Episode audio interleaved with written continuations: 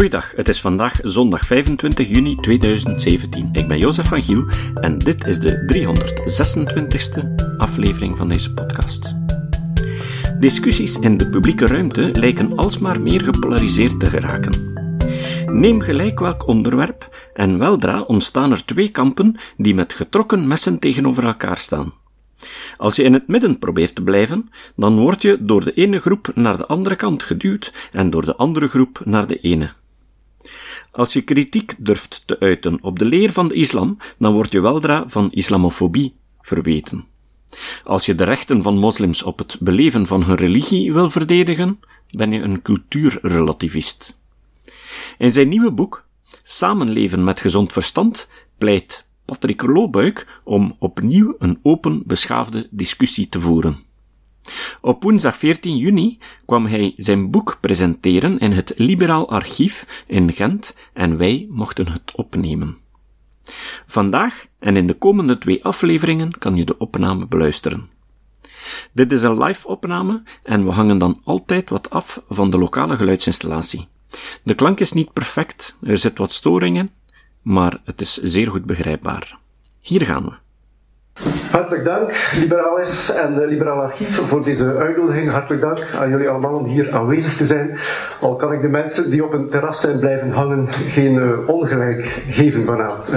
Maar goed, fijn dat jullie er zijn. Dat is een uh, leuk hart onder de riem, ook voor mij als, als uh, auteur. ik haal wel wat plezier uit het schrijven zelf, maar het is nog leuker als het schrijven gedaan is. En natuurlijk de kers op de taart is dan zien dat het gelezen wordt, opgepikt wordt en uh, gehoord wordt. En dus bedankt dat je mij dat gevoel een beetje geeft vanavond.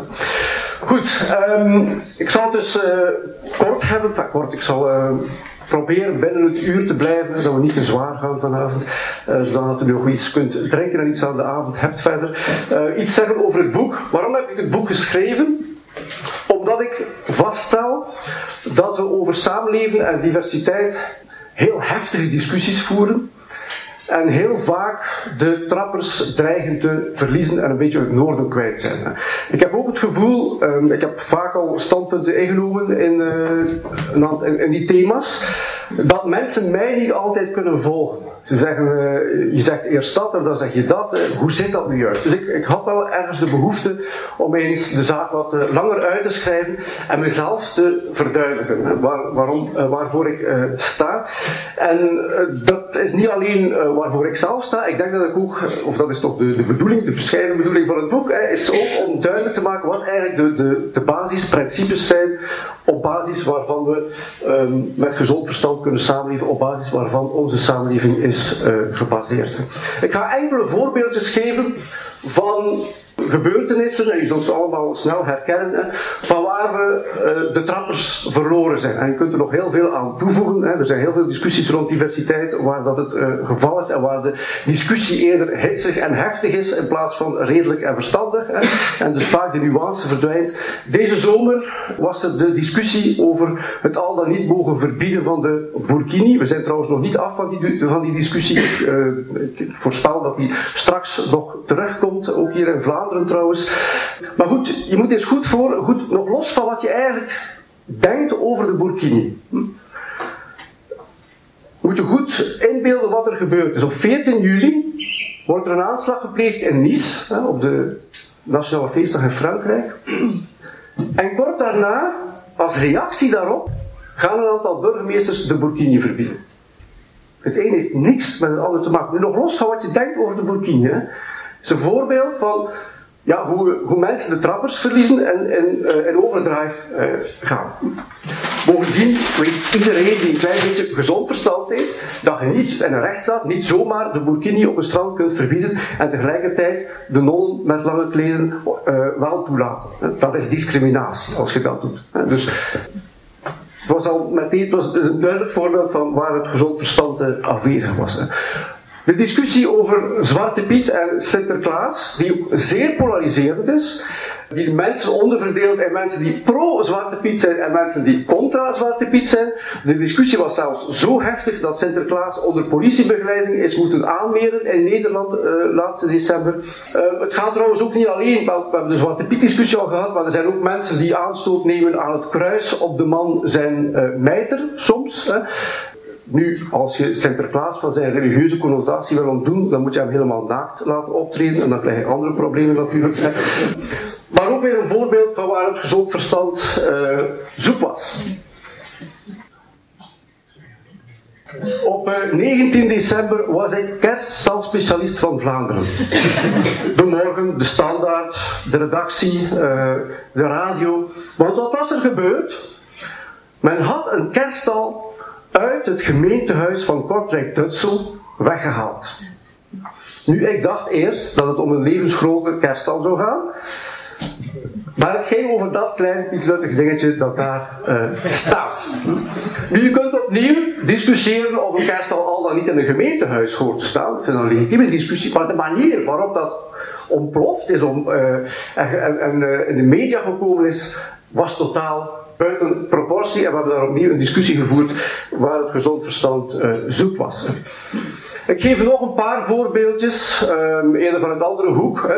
Maarten Boudry, waarschijnlijk u niet uh, onbekend, die omdat hij racisme wat in een historisch perspectief zet, en erop wijst dat mijn grootouders bijvoorbeeld veel racistischer waren dan veel mensen nu. Hè, dus daar een beetje kanttekeningen bij zet tegen, bij een aantal opvattingen. Wordt hij onmiddellijk genomineerd voor de racisme is relatief prijs van Kif Kif. Einde discussie.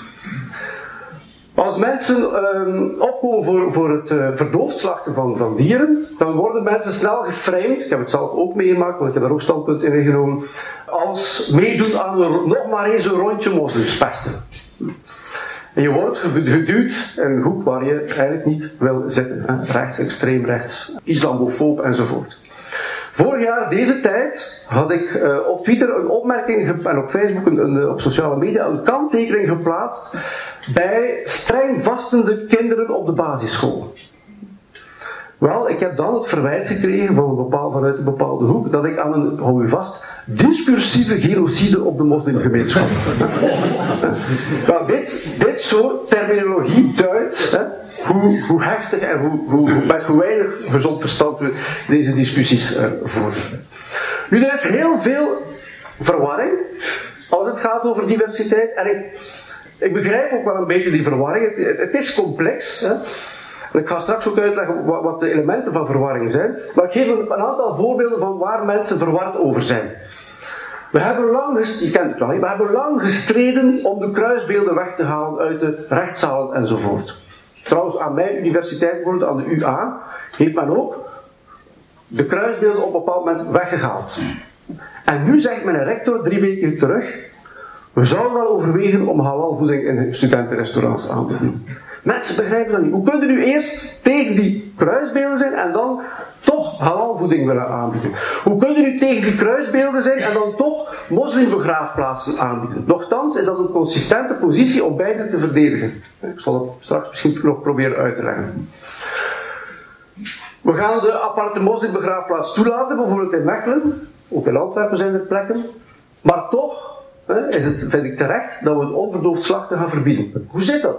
Aan de ene kant geven we moslims meer godsdienstvrijheid, en aan de andere kant gaan we een stukje godsdienstvrijheid afpakken. Verwarrend voor veel mensen. We hebben lang gestreden voor vrouwenemancipatie, en nu is er al sprake van de hoofddoek bij de, bij de politie. Ingewikkeld, ingewikkeld. De burkini moet wel kunnen, de burka verbieden we. Waarom? Hoe komt dat juist? Niet altijd even duidelijk en er is dus veel verwarring en die verwarring creëert soms ook wel eens boosheid bij mensen, omdat ze het niet goed begrijpen. Nu, een van de zaken waarom het zo verwarrend is, heeft te maken met het feit dat onze samenleving de laatste jaren ontzettend veranderd is. Ik heb hier een paar beelden meegebracht van voor mijn tijd. Ik heb het zelf niet meer zo meegemaakt, maar misschien een aantal onder u uh, wel. Hè. Kijk, vandaag discussiëren we over de hoofddoek op school. Kijk, links onderaan. Tot in de jaren 50 liepen mensen, liepen nonnen met zo'n kappen rond in het onderwijs. En priesters die waren nog zoals van boven, priesters waren nog verkleed en priester. Religie was overal zichtbaar, religie was overal aanwezig.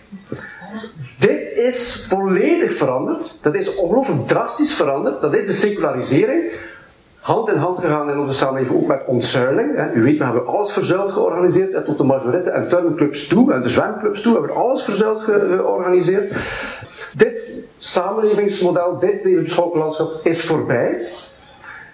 We zijn zeer seculier geworden. God en zijn gebod zijn uit de samenleving verdampt. Dat is op zich al een unieke situatie. Er is geen enkele regio wereldwijd, maar ook niet historisch gezien, die zo seculier was als de onze. U kunt misschien van mening zijn dat God en zijn gebod en de godsdienst nog altijd te veel invloed hebben, maar tot nog toe zijn wij de samenleving, West-Europa, het gebied waar um, er is geen enkel voorgaande of president waar er zo weinig godsdienst was. Tenzij de godsdienst verdrukt werd, hè, waar de godsdienstvrijheid voor bepaalde communistische regimes, maar hier hebben we godsdienstvrijheid en ondanks die godsdienstvrijheid zijn we zo sterk geseculariseerd. Dat is op zich een unieke situatie. Vergelijken met de Verenigde Staten, ook een westers land, ook een vrij land, maar niet zo geseculariseerd als West-Europa. Dus West-Europa is daarin uniek. Alsof dat nog niet genoeg is, net op het moment dat wij zo seculier zijn, op het moment dat wij op het toppunt van seculariteit zitten, komen er mensen binnen via migratie met opnieuw een duidelijke levensbeschouwelijke identiteit en hun rugzakje. Een levensbeschouwing die zich ook manifesteert in de publieke ruimte, die zich ook manifesteert in de kledij enzovoort. En een levensbeschouwing die zich bovendien niet altijd even gemakkelijk verhoudt ten aanzien van de seculiere samenleving. Het zijn mensen die vaak uit regio's komen die niet geseculariseerd zijn, sociologisch niet, maar ook een religie die het ook moeilijk heeft met bepaalde elementen van een seculiere rechtsstaat. Gelijkheid man-vrouw, uh, scheiding tussen kerk en staat enzovoort. Dus op zich als waarnemer sta ik daar niet van te kijken dat er heel veel gediscussieerd wordt en heftig gediscussieerd wordt over de plaats van islam. Het zal daarover gaat, maar het gaat ook over, in toenemende mate over evangelische christenen die uh, vaak vanuit Afrika, Afrikaanse kerken naar hier komen. Ik sta daar niet van te kijken dat wij daar veel moeten over discussiëren en ik weet dat het laatste woord daar niet over gezegd is. Want onze samenleving is zodanig seculier geworden dat we het verleerd zijn om met religie om te gaan en omgekeerd komen er religies binnen die eigenlijk helemaal niet weten hoe ze met de seculiere context moeten omgaan. En dat botst. En dat zorgt dat we over een aantal thema's uh, zullen moeten blijven uh, discussiëren. Dat is één element. Secularisering.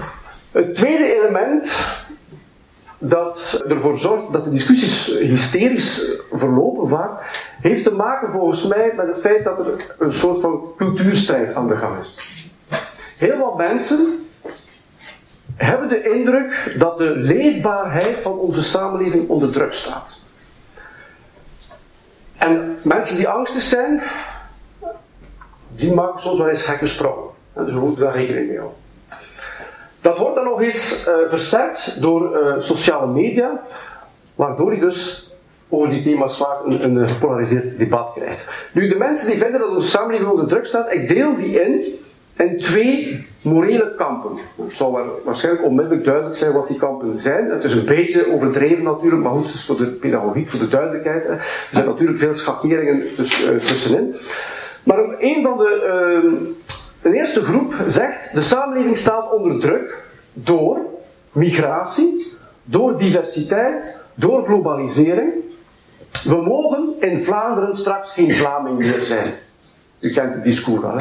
Mensen die zeggen, let op straks gaan ze het hier overnemen. En met ze bedoelen ze die moslims. Mensen die zeggen, als ik in de krant laat weten dat ik Arabisch naast Latijn en Grieks als intellectuele uitdaging voor onze jongeren nog niet zo'n dom idee vind. Mensen die onmiddellijk in een culturele kramp schieten en, en, en, en zeggen, wat, wat denkt die loopbuik wel, dat we straks allemaal Arabisch zullen moeten leren, dat we dat op ons knieën zullen moeten doen met ons hoofd op de grond enzovoort. Dit soort discours. Heel heftig overtrokken. Dit gevoel is heel sterk natuurlijk ook, uh, is, heel, is, versterkt door aanslagen die, uh, en de thematiek van de vluchtelingencrisis. Die mensen hebben het over onze normen en waarden en onze identiteit die onder druk staat door de diversiteit, door de immigratie, door de globalisering. En die groep wordt ook wel eens de, de hashtag soumission gebruikt. Ik kom er straks nog eens op terug. Soumission verwijst naar een roman van uh, de Franse uh, successchrijver, die een roman heeft geschreven waarin hij evokeert dat in 2020 de moslims aan de macht komen, de moslimbroeders aan de macht komen en dus de samenleving zich onderwerpt, soumission, aan de moslimheerschappij. En als er eens een toegeving wordt gedaan, bijvoorbeeld Bart Somers maakt bekend dat er een moslimbegraafplaats komt in zijn stad, en dan zijn er onmiddellijk mensen die tweeten hashtag soumission, onderwerping. Terwijl dat volgens mij, maar komen we straks terug, niet terecht is. Nu, voor je al te enthousiast de hashtag soumission gaat zoeken, wees er, uh, wees er u van bewust dat dat ook een term is dat in de SM-middels wordt uh, gebezigd. dus komt daar in een rare, uh, maar je komt in rare zaken, of rare zaken terecht. Goed, die mensen zijn ook van mening dus dat de samenleving islamiseert en dat we mogelijk onder een dictatuur van de minderheid dreigen te, te leven. Dus dat die, die, die moslims het hier voor het zeggen zullen krijgen. Een andere groep is eigenlijk totaal het tegenovergestelde. Die zeggen onze manier, onze, onze, de leefbaarheid van de samenleving staat onder druk door het toenemende succes van extreem rechts, van nationalistische partijen, van populistische partijen, de aanhangers van Wilders, van Le Pen enzovoort. Het zijn mensen die in plaats van diversiteit, zoals de eerste groep, eh, om daar sceptisch hierover te staan kritisch hierover te staan, die, die zeggen, ja, het is niet ons samenlevingsmodel dat onder druk staat, het is de diversiteit die onder druk staat. Wie nu nog durft optreden, opkomen voor diversiteit, ik las het gisteren op sociale media, dat is een held. Terwijl iemand anders zou zeggen, het is allemaal diversiteit wat de klok slaat. Hè. Wie nog voor ons eigen waarden en normen durft opkomen, dat is een held. Dat zijn, de, dat zijn twee kampen die elkaar heel heftig uh, bestrijden en die heel sterk, zeker in sociale media, naar voren uh, komen. Die laatste, dus die tweede groep zegt niet we leven in de dictatuur van de minderheid. Nee, zij zeggen we leven in de dictatuur van de meerderheid. We leven onder de dictatuur van de bange, boze, blanke man. Om Joël de Cura te parafraseren. Goed, ik denk dat je min of meer snapt uh, waarover, het, waarover het gaat. Hè. Die eerste groep, als je die extreem doordringt, dat zijn mensen die in een morele kramp zitten. Hè. De tweede groep, dat zijn, als je die, dat, dat extreem doordringt, dat zijn, zijn mensen die voortdurend politiek correct denken. Het is mijn mening dat zowel de mensen die in die culturele kramp zitten, als het politiek correcte denken, beiden de kritische discussie en het gezond verstand vaak in de weg staan. Oikofobie. Oikofobie betekent dat je uh, bang bent van het eigene. Dus er zijn mensen die zeggen, uh, bijvoorbeeld als iemand zegt, u weet wie dat gezegd heeft, ons samenlevingsmodel is superieur, dan vinden die mensen dat je dat moet kunnen zeggen. En dan verwijzen zij, dan verwijten zij de, de, de, de politiek correcte denken, dat ze aan oikofobie doen, dat ze het eigene verafschuwen en dat ze alleen de diversiteit omarmen. En niet zien wat de waarde is van ons eigen samenlevingsmodel. Want het is allemaal de schuld van het Westen. Volgens de ene is het allemaal de schuld van de moslims, en volgens de andere is het allemaal de schuld van het Westen. En we, we geraken niet meer aan speaking terms. En de zaak drijft uit elkaar. Ik geef nog twee voorbeelden van die morele, uh, van, die, van die twee kampen. Dit is hier de school waar onlangs beslist is, en dat is ook in de media gekomen, dat men geen cadeautje meer zou maken voor moederdag. Ja? Onmiddellijk wordt getweet door uh, de staatssecretaris: hebben we integratie dan echt helemaal opgegeven? Dit is geen uiting van respect, wel van lafheid. En ze willen ook, eh, submission. Onderwerping aan de minderheid. Maar we gaan hier uh, moederdag niet meer vieren. Daarna krijgt die school nog honderden dreigmails. Er zijn er wat problemen. Bovendien, het had niets met de islam te maken. Dat, was een, een beetje een onhandige communicatie van die, van die directeur. En dat is een, een, een, probleem waar we wel wat waakzaam moeten voor zijn. De mensen die in dat kamp zitten van die culturele kramp, die gaan heel snel alles gaan framen en gaan focussen op die islam. Het is allemaal de schuld van de moslims. Maar je wees u van bewust, dat moederdag-incident had niets met moslims te maken. Het was een geste van de school naar de diversiteit aan gezins patronen die daar aanwezig was, niet naar culturele diversiteit. De discussie die we hebben gehad over Sinterklaas en Zwarte Piet heeft op zich ook niets met moslims te maken. De discussie over uh, 1 september waarin gezegd werd dat de moslims de partij zouden zijn om het schooljaar uit te stellen naar 4 december, naar 4, niet naar 4 december naar 4 september, omdat 1 september het offerfeest wordt gevierd in de moslimgemeenschap. In mijn ogen, of voor zover ik weet, waren, de, waren niet de moslims vragende partij om het schooljaar uit te stellen. Trouwens, die moslims, dat is al goed geregeld in Vlaanderen, die hoeven op op het moment van het offeest sowieso niet naar school. We doen daar al, aan, uh, een, we doen al tegemoetkoming. Het was een vraag van een aantal katholieke scholen die vaststellen, ja, maar we hebben hier 80% moslims en 1 september gaan wij dus maar met 20% van onze leerlingen zitten. Zou het dus niet zinvol zijn om 1 september te verplaatsen? Dat was dus geen vraag van de moslims per se, het was een vraag van school. Dus we moeten daar heel goed alert op toekijken. We hebben, de neiging bestaat in bepaalde groepen om alles in de schoenen van de, van de moslims te schuiven, terwijl niet alles natuurlijk met islam of met de moslims te maken heeft. Waar vind je die culturele kramp? Vaak in nationalistische middels en natuurlijk ook in extreemrechtse middels, maar ook soms in liberaal-secularistische middels. En bijvoorbeeld, uh, Gwendoline Rutten zal het niet eens zijn met het feit dat ze daarin gestoken wordt, maar in de perceptie van bepaalde mensen wordt haar uitspraak dat ons samenlevingsmodel superieur is, wel in die kant, in dat kant geplaatst. Dat is ook typisch voor de discussie vandaag, daar heb ik ook zelf veel last van.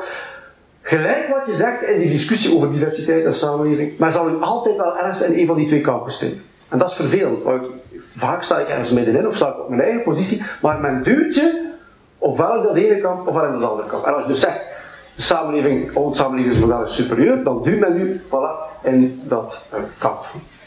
Voorbeeld van het omgekeerde van politiek correct denken. Uh, Schepen in uh, Molenbeek schrijft een boek dat nogal kritisch is over Molenbeek en over de Marokkaanse gemeenschap daar. Wel, dat wordt afgedaan door uh, PS-collega um, als een vuilbakboek vol met islamofobe en racistische clichés.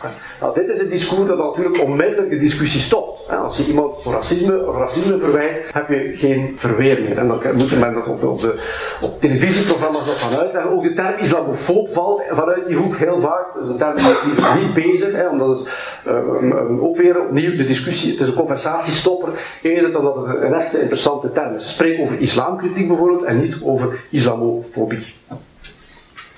Oké, dus, dus die andere kant die uh, dreigt dan, of lijkt dan te verzeild te krijgen dat politiek correcte denken. Zij uh, is een manier van denken die de diversiteit gaat verheerlijken en elke vorm van kritiek op diversiteit gaat uh, aan de kant zetten. Uh, het is niet de schuld van de moslims, het is niet de schuld van de diversiteit, het is altijd de schuld van het Westen. Ik karikaturiseer een beetje, maar u herkent waarschijnlijk wel het discours. Hè.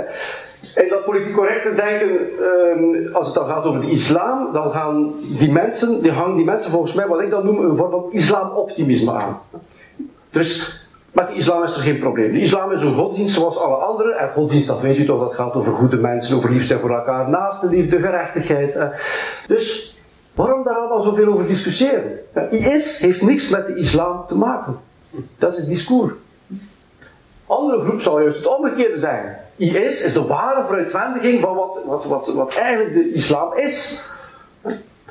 Opnieuw, het zijn twee te gepolariseerd. IS en, en ook de aanslagen enzovoort hebben met de islam te maken, maar IS en de aanslagen vertegenwoordigen niet gans de islam natuurlijk. Dus het is, die twee tegenstellingen, die twee stelde kampen, die gaan heel vaak ja, te eenzijdige schema's op de werkelijkheid leggen, waardoor we niet tot een goede discussie komen. Ik heb hier nog een beetje dingen opgelijst, uh, die je allemaal op die manier kunt gaan, uh, gaan framen in die twee kampen. Is er, is er te veel racisme, of is er, of is, is er uh, overschatten we of onderschatten we de discriminatie en het racisme? Moeten, we, moeten de nieuwkomers zich aanpassen, of moet onze samenleving zich aanpassen aan de nieuwkomers? Enzovoort, allemaal discussies waar die twee morele kampen heel heftig over debatteren. Wat heel interessant is om te zien, is dat die twee morele kampen in dezelfde werkelijkheid, in één en dezelfde werkelijkheid, alle twee vaak hun gelijk zien. Bijvoorbeeld die, die, uh, die twee morele kampen, zij zien dezelfde media, lezen kranten, hè, kijken naar televisie, en de mensen die in de culturele krant zitten, of de moslimpessimisten, die zullen zeggen, zie je wel dat die media voortdurend wegkijkt van de problemen. En dan krijg je iemand als Wim van Rooij die zegt, die een boek schrijft met islamkritiek en met als titel waarover men niet spreekt. Zie je wel dat we dat doodzwijgen? De mensen van de andere kant zeggen, Sinds 2001, sinds 9-11, doen we niet anders dan de islam problematiseren. Wat is nu? De ene zegt de media kijkt weg, de ander zegt de media problematiseert de hele tijd de islam. Dit is een mooi voorbeeld ook. De knakcover van denk drie weken geleden, waarin ons kenbaar werd gemaakt dat er in de islamlessen op school dingen worden gezegd eh, die niet zo aangenaam zijn voor de kinderen en die hun angst inboezemt uh, over het leven na de dood, over de hel, over, de, over wat er in het graf allemaal die moslimkinderen of die moslims staat te wachten. Hè. Ik krijg deze cover en de, de mensen in de culturele kram, of de pessimisten, die zeggen: Zie je wel dat het niet goed komt met die moslims? Dan moet je zien wat ze allemaal in het onderwijs aan die gastjes uitleggen enzovoort. En de politiek correcte groep zegt: Zie je wel dat het slecht gaat met onze samenleving en dat we, dat we islamofoob zijn? Zelfs de mainstream media als knak begint nu al islamofobe uh, titels. Uh, met islamofobe titels te werken. En ze hebben weer alle twee gelijk, ondanks het feit dat het over dezelfde werkelijkheid uh, gaat. Vanaf volgende keer zal Patrick Lobbuik uitleggen hoe we hier uit kunnen geraken. Het citaat. Het citaat van vandaag is van Ali A. Rizvi. Rizvi is een schrijver en atheïstische ex-moslim. Hij schreef het boek The Atheist Muslim, A Journey from Religion to Reason. Of een atheïstische moslim, een reis van religie naar reden. Risvi zei, maar wanneer je er niet in slaagt om een onderscheid te maken tussen de ideologie die we bestrijden en de mensen die onze familie, vrienden en geliefden zijn, sluit je ons uit. Tot de volgende keer. Deze podcast is het resultaat van het werk van veel mensen. Rick de Laat verbetert bijna al mijn teksten en maakt de meeste vertalingen. Emiel Dingemans verzorgt onze website en Facebookpagina. Ook Leon Korteweg en Stefan Sutens schrijven, vertalen of verbeteren soms artikelen. Leon onderhoudt bovendien het YouTube-kanaal van deze podcast. De muziek van de intro en de trailer heeft Nick Lucassen geschreven en soms maken we ook gebruik van muziek van Ad van Nederpelt, die ons zijn prachtige composities ter beschikking stelt.